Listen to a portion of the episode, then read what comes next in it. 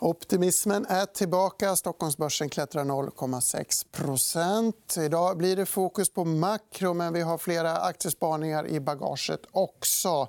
Vi ska bland annat titta på vinnare och förlorare på handelskonflikten eller hur bolagen eh, påverkas av en sådan. Och sen ska vi fiska upp en högutdelare i en bespottad sektor. Det här är EFN Börslunch fredag, torsdag förlåt, den 16 januari.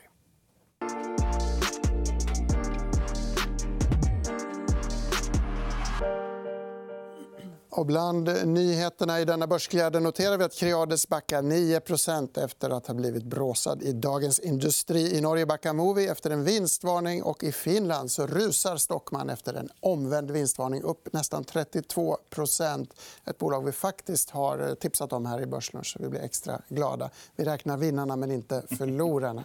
Helt rätt. Maria Landeborn, Christian Granqvist, varmt välkomna tillbaka i studion. Maria, första frågan. Vi fick ett handelsavtal avtal signerat igår kväll. Donald mm. Trump och Kina. Betyder det här någonting? Inte så jättemycket. Det är ju någonting som man har räknat med undan för undan under förra året. och Det var högst väntat att man skulle skriva under. Det avvek inte på något sätt egentligen från vad man hade förväntat sig. Så det är skönt att det är underskrivet, men inte så mycket mer än så. Christian, du citerade Karin Boye. Det är vägen som är resans mål i försnacket här. Ja, eller lite travel under rive brukar man ju prata om i, aktiemarknaden. Att, att, eh, att, nu har vi handlat på det här i vad, tre, eller fyra, eller fem eller sex månader. Jag kan inte ens minnas.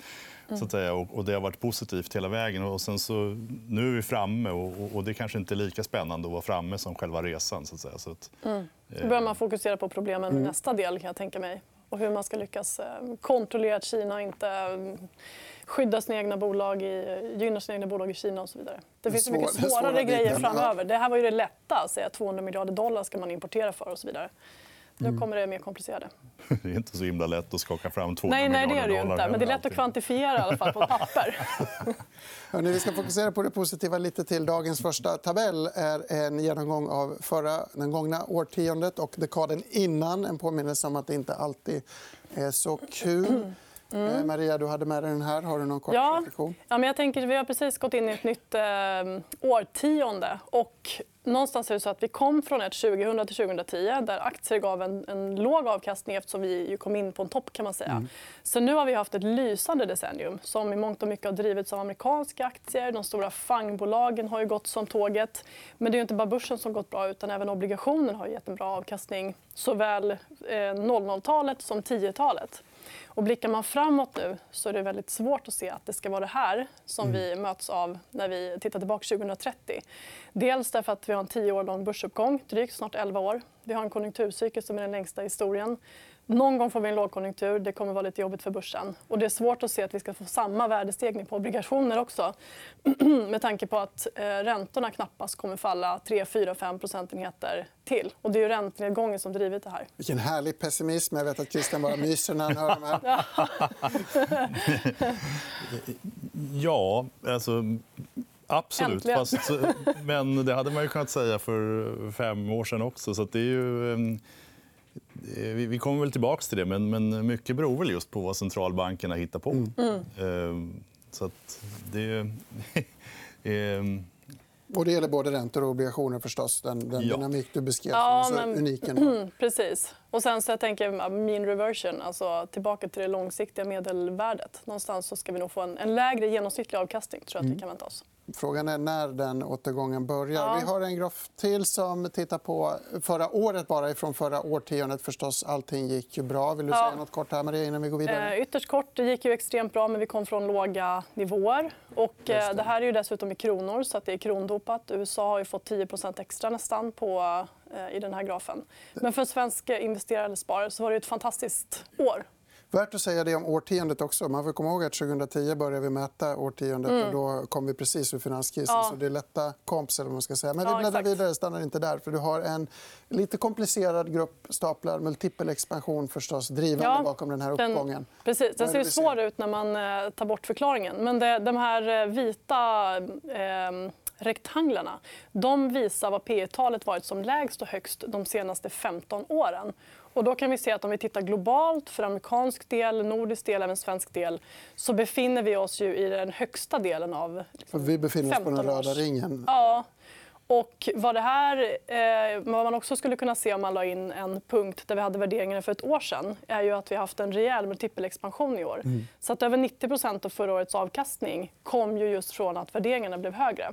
Christian säger vi... mer. Globalt är det faktiskt mer än 100 så Det beror på ja. vilken, eh, vilken marknad man tittar på. Men, men ja, USA har haft positiv eh, svag positiv vinsttillväxt. Men ja. tillväxtmarknaden är negativ, Japan är negativ. Mm. Ehm, och, och så, att, eh, så det är ju, totalt sett globalt är det mer än 100% som kommer från, från en multipel expansion.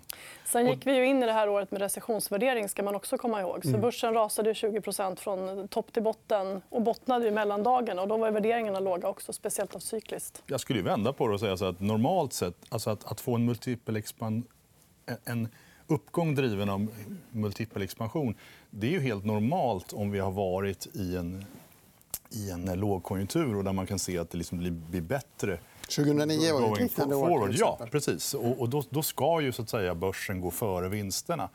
Eh, så stora frågan är ju, som du säger, så här, vi har haft tio år med börsuppgång. Vi har inte haft någon recession som jag har märkt av. Så att säga. Och, och så det är ju intressant att den här multipelexpansionen sker nu. Och, eh, ja, vi kommer väl tillbaka till det också. Så att... mm. Varning för ett svajigt eh, börsår när det nu kommer. Nästa graf visar att likviditet är en avgörande faktor. Här kan du väl förklara kort vad som, vad som menas. Är det Christians graf? Det är Christians. Ja, precis. Det här visar ju bara att, att, att multipeln på börsen, P talet följer helt och hållet så att säga, de finansiella Ehm, den finansiella miljö som vi befinner oss i. Och det här har vi ju haft eh, ett 20-tal centralbanker i år som mm. har stimulerat via räntesänkningar. Vi har ECB som har har så att säga, gått tillbaka till att eller öka på sin, sin QE. Och vi har en, en Fed som också blåser upp sin balansräkning ordentligt fast de inte vill kalla det för QE. Men, men de facto har de ju återstartat en, en eh, quantitative easing. Så att säga. Och, och Ehm, och, det, här, det här påverkar ju förstås. Så den stora frågan man måste ställa sig... för det här är ju, Jag vet inte vilken gång i ordningen det här sker nu de sista tio åren. Men, men så att säga, marginalnyttan för realekonomin kan man ifrågasätta sig. Däremot får det effekt på, på finansiella tillgångar. Maria var lite inne på samma spår. kan man väl säga. Ehm, nästa graf du har med dig handlar om att vi återupprepar 1999. Det är en väldigt spännande Prince hade en låt som hette så där. Vi satte mm. rubriken. Ja, det, det var en väldigt härlig låt. Och det var också en väldigt härlig tid 1999 om, om man var investerad på börsen. Och på samma sätt som att det var en väldigt härlig 2019.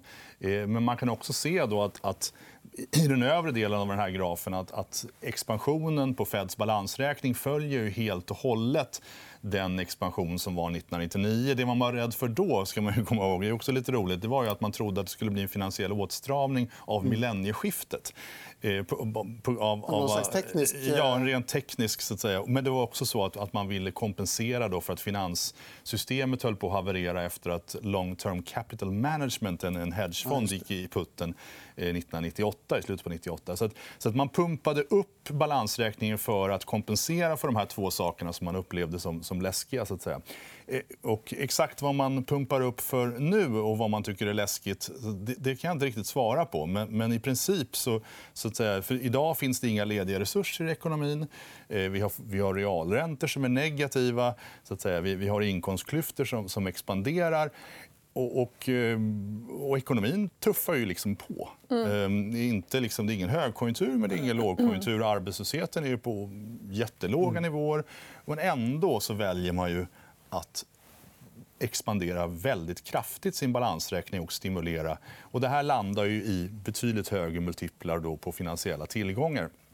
Ehm, men återigen, frågan är kommer det att, att resultera i en uppgång i realekonomin. Jag är inte lika säker på det.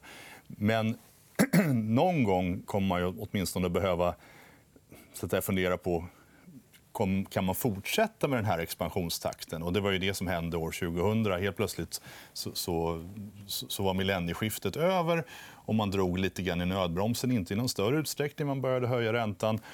Och då punkterades hela värderings och techbubblan. Då, så att säga. Och... Vi, vi bubblan såg ju lite annorlunda ut ändå med tanke på olönsamma bolag som var liksom Ah, du menar att Uber och de här tjänar massor med pengar? Nej, det gör de i och Eller-. Nej, det gör de inte. Microsoft Nej, gör ju det. Nej, jag tycker ju inte att det Facebook gör ju det. Många av dem Ja, tjänar faktiskt med oss. Det fa- Det fanns, fanns techbolagen Cisco och, eh, och så vidare tjänade också pengar på den tiden. De hade fortfarande P tal på, på uppåt 100. Eh, Och, och visst, du kan säga att, att, att det är lite min, men, men seriöst. Alltså, nog finns det väldigt mycket bolag där ute som, som har en värdering som, som man kanske skulle kunna ifrågasätta. Ändå. Det finns ju absolut. Det finns ju de här nya techbolagen som typ Uber. Är ju liksom, de kan man ju verkligen fundera på. Men det finns ju ett gäng stora bolag som tjänar massor med pengar också som inte är så högt värderade heller. Inte samma typ av eh, bubblor kanske den här gången. Men, eh, men vi bläddrar vidare ändå. Men vi är, inte, vi är inte där än heller. Vi, vi har några månader kvar kanske. Eh, Några kanske. månader. Här har vi eh, en liknande graf. Amerikanska konsumenter där uppe handlar som om det vore 1999, shoppar vidare medan ISM-data eh, pekar neråt. Alltså en diskrepans på samma sätt som vi har börs och realekonomi går olika så går konsument och realekonomi olika. Vi skyndar vidare till nästa graf som jag tror kommer från Maria. Eh, lite Ja. också den här klyftan. Precis, det finns en klyfta där. Men det finns också en klyfta faktiskt mellan PMI och ISM-index. Mm. ISM-index avviker ju nu och är ju liksom, det signalerar en mer pessimistisk bild Men är inte än vad ISM lite gör. ute? Vi får se vem som Vi får se om det är ute. Ja, precis. Men det, tittar man både på PMI och på andra indikatorer så pekar de på att det ser lite bättre ut. Så att ISM den, den avviker lite för tillfället. Ska jag säga. Men Mm. det den här grafen visade då, det är ju att börsen... Eh, ISM, eh, förlåt, PMI är ju en bra ledande indikator för börsen. Mm. Och börsen för tillfället har ju sprungit i förväg ganska rejält. Rejält, ja. Eh, och både prisat in att tillväxten ska bli bättre i år men också då det här handelsavtalet och förmodligen att man fortsätter eh, förhandla om fas 2 och kommer framåt med det. Och kanske också att vi slipper någon stor konflikt med Europa. Men oavsett då vad vi tycker om techsektorns värdering så är ni ganska överens om att vi har en börs som sprungit väldigt långt och det återstår att se upp till bevis för realekonomi underliggande. Tolkar jag, jag tror jag gissar att du är mer, alltså mer pessimistisk där. Jag ska säga att jag är ändå positiv till börsen i år. Så att även om man pratar om ett decennium med lägre genomsnittlig Mm. avkastning och att börsen sprungit i förväg så tror inte jag att vi står inför slutet och att vi har liksom en, en bubbla som ska falla ihop. Däremot så tror jag att börsen behöver växa i kostymen och det kan vara så att man får en rekyl i lite vinsthemtagningar nu när vissa saker har satt sig i form av handelsavtal och så vidare. Men jag tror ändå på högre, högre aktiekurser om 12 månader. Det kanske inte du gör. Mitt jobb är ju framför allt att, att, eh, att hitta bolag och aktier och sektorer som, som går bättre än börsen. Så att säga. Så att, eh, att, att, att spå exakt var börsen är om 12 månader gör mig ingenting. Däremot så, så konstaterar jag bara att vi är på väg i, i samma så att säga, s- samma stig som vi var 99. och Det kommer vid nåt tillfälle att sluta i förskräckelse. Tror jag. Vi ska ge oss på lite bolag alldeles strax. Vi har en graf kvar. Eh, Den är för bra för att eh, dansa över. Dansar vi på lånad tid heter den. Kommer förstås ifrån Christian. Fortsätter lite grann det tidigare resonemang.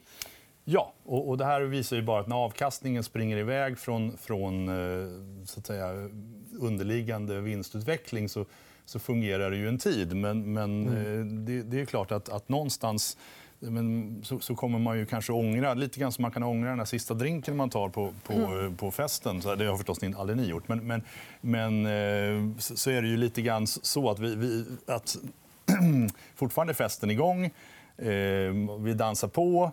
Och, det är mycket möjligt att vi kan få 12 månader till av, positiv avkastning. Men man måste ändå börja fundera på vad händer när någon tar undan punschskålen. Så att säga. Var, var, var, någonstans är utgången? Och, det är väl den frågan som, som man måste fundera på utifrån... Eh, Då bokar man en ny Det var den vi försökte, punschskålen försökte vi ta bort 2018. Det gick inte så jättebra under hösten. där, precis. kan man säga.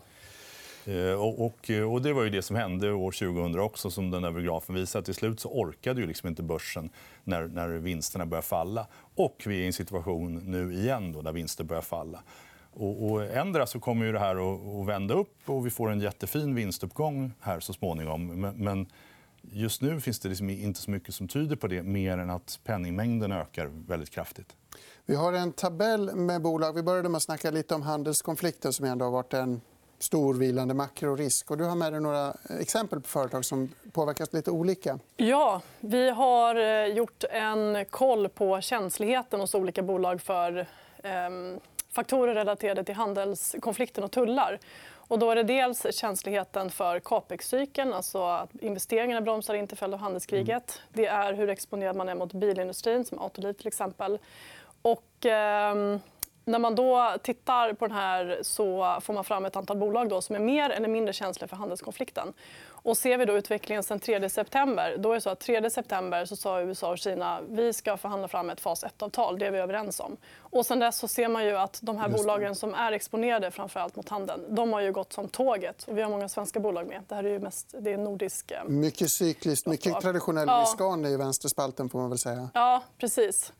Och tittar man då på högersidan så är det bolag med ingen exponering mm. i princip mot handelskonflikten. Då. De har ju gått betydligt svagare. Så då kan man ta den här tabellen och så kan man göra sin egen analys av ja. handelskonflikten och välja sida? Så välja sida, ja. Precis. Vill jag vara mer defensiv eller tror jag att det här blir bättre undan för undan under året? Och då har man eh, några bolag här som man mm. kan tänka sig gynnas eller missgynnas.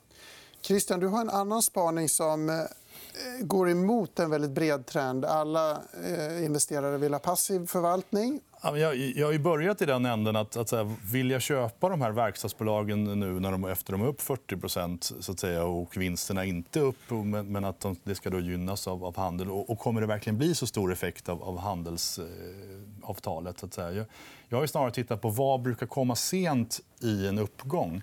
Och, och, och det är ju fondförvaltare. Eh, det är nämligen så att flöden till aktiemarknaden tenderar att vara en, en, en eh, lagging indicator eller en sen indikator på något sätt så, så först går börsen upp och sen så sen inträ, inträffar någon slags FOMO och, och, så ska alla vara med lite i efterskott. Eller man köper. Uppgång föder uppgång. lite grann. Så att säga. Och, är, är det kroken vi ser i, i Gredelint längst till höger? Alltså? Ja, det är ju ackumulativt. Då, så att. Så att det, det, blir ju liksom en, en rullande medeltal. Eh, men, eh, men, det vi kan konstatera är att förra året var eh, historiskt horribelt för, för flöden till aktiemarknaden vilket gör att, att, att fondförvaltare har deratat enormt mycket internationellt. Och, och, och, och, bara det här avtar lite grann, det vill säga att vi, vi får kanske inte fullt så negativa flöden. Man brukar prata om andra derivatan, så att säga, i, i flöden. Och, och, om det här lugnar ner sig så kommer ju ändå det faktum att att vinsterna går ju upp på grund av att aktiemarknaden är upp. Det kommer att dominera vinstutvecklingen för de här bolagen. Här visar just den här att, att det här är fram till november då, att, att flödena är fortfarande lite negativa men inte alls i samma utsträckning. vilket gör att Man kan definitivt göra caset att under 2020 så kommer det här se betydligt bättre ut. Eh, och vi har också hört anekdotiskt att december var faktiskt inflöden i aktiemarknaden globalt. Men det har inte konfirmerats, för den statistiken är inte klar. Den som eh. letar börsnoterade fondförvaltare det finns inte så mycket här i Sverige. Det skulle vara Catella i så fall. Men du har tittat i USA? Absolut. Och där finns det ju flera stycken. Så att säga. Och, eh, där har vi, I min fond Camelot har vi köpt Invesco. Då Eh, som är ju en, en, en, traditionell bred eh, fondförvaltare men med mycket exponering både mot indexfonder och mot aktiva fonder. Men, men jag tror ju som sagt att flödet till aktiva fonder kan mycket väl vända här åtminstone. Även om den strukturella trenden kan fortsatt vara ett flöde från det ena till det andra så, så, så kan vi få en, en cyklisk uppgång i flöden här under 2020. Och eftersom det här bolaget värderas till skillnad från Atlas Copco eller nåt annat som värderas på P20 eller vad det nu kan vara. Så att säga, det här är P6. Eh, får man en vinstuppgång på 20 ja, det är P5. Det är en direktavkastning på 7% Det är en cashflow yield på 15% Så att Allt det här har man ju eh, även om man inte får en vinsttillväxt. Det är ju på dagens vinster. Ehm, och, och, vilket gör att, att eh, i min värld om ISM vänder upp, ja, då kommer flödena i alla fall historiskt sett vända upp också. Eh, då kan vi få en vinsttillväxt i det här. Då kommer de som är shortar den här sektorn, vilket jag tror är ganska många kommer att få det lite stressande när ett väldigt, väldigt billig tillgång börjar få vinsttillväxt. Det, det är ju det, det, det, är inte gott om billiga tillgångar där ute. Men du tror ändå på en ISM alltså de här PMI-siffrorna kommer att vända uppåt i år? Jag tror, ja, alltså, i att man pump, jag, jag, tror inte att det kommer få jättestor effekt. Så att säga. Jag tror inte att vi står inför en stundande högkonjunktur. Men, men jag tror att nedgången som vi har sett i ISM den är nog så att säga, i sin i sin slutskede. Så att säga. Sen kanske det inte blir liksom rakt upp så. Men, men... Vad säger du, Maria? Avslutande reflektion. ISM vänder upp och fortsätter jag skulle, säga, ja, men jag skulle också säga att det vänder upp Mm. Därför att det finns så pass mycket annat som ändå pekar på att det blir lite bättre. Och sen, vi får ingen blomstrande högkonjunktur 2020. Det är inte det man ska vänta sig. Men får vi en tillväxt som taktar på och bolagsvinster som växer några procentenheter så bör det vara tillräckligt för att kunna ge stöd tillsammans med låga räntor och likviditet. Mm. Stort tack för de reflektionerna. Tack också alla ni som tittat. Imorgon är vi tillbaka. Då kommer Frida Bratt och Alexandra Stråberg att gästa oss 11.45 som vanligt. Tack för, det. Tack för idag.